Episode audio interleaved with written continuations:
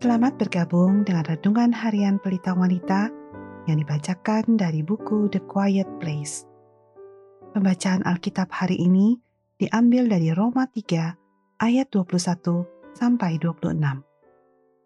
Tetapi sekarang, tanpa hukum Taurat, kebenaran Allah telah dinyatakan seperti yang disaksikan dalam kitab Taurat dan kitab-kitab para nabi yaitu kebenaran Allah karena iman dalam Yesus Kristus bagi semua orang yang percaya, sebab tidak ada perbedaan. Karena semua orang telah berbuat dosa dan telah kehilangan kemuliaan Allah, dan oleh kasih karunia telah dibenarkan dengan cuma-cuma karena penebusan dalam Kristus Yesus. Kristus Yesus telah ditentukan Allah menjadi jalan pendamaian karena iman dalam darahnya Hal ini dibuatnya untuk menunjukkan keadilannya, karena ia telah membiarkan dosa-dosa yang telah terjadi dahulu pada masa kesabarannya. Maksudnya ialah untuk menunjukkan keadilannya pada masa kini, supaya nyata bahwa ia benar dan juga membenarkan orang yang percaya kepada Yesus. Ayat kunci hari ini adalah dari Roma 3 ayat 23 sampai 24. Karena semua orang telah berbuat dosa dan telah kehilangan kemuliaan Allah, dan oleh kasih karunia telah dibenarkan dengan cuma-cuma karena penebusan dalam Kristus Yesus. Belas kasihan dan kebenaran. William Cooper adalah salah satu penulis Inggris terbaik abad ke-19 tetapi di balik kesuksesannya, ia mengalami kesulitan dan beban emosi yang berat. Di usia 30-an, ia mengalami gangguan mental, mencoba untuk bunuh diri, dan dimasukkan ke dalam rumah sakit jiwa selama 18 bulan.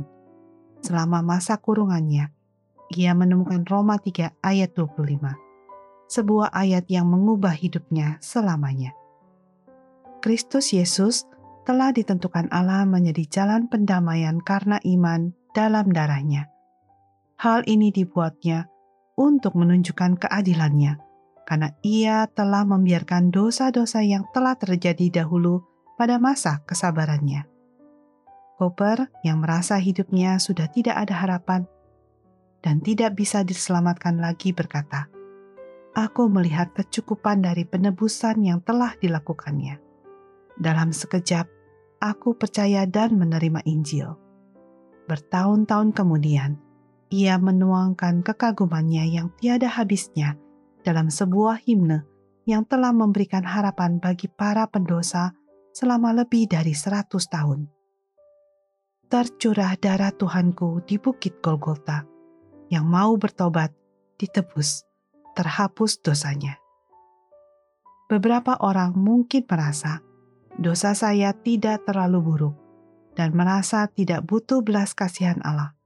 Di lain pihak, beberapa orang bergumul dengan perasaan bahwa Allah tidak dapat mengampuni apa yang telah saya lakukan. Tetapi di atas bukit yang disebut Kalvari, Allah membuktikan kasihnya bagi orang-orang berdosa dan kebenciannya yang kudus terhadap dosa.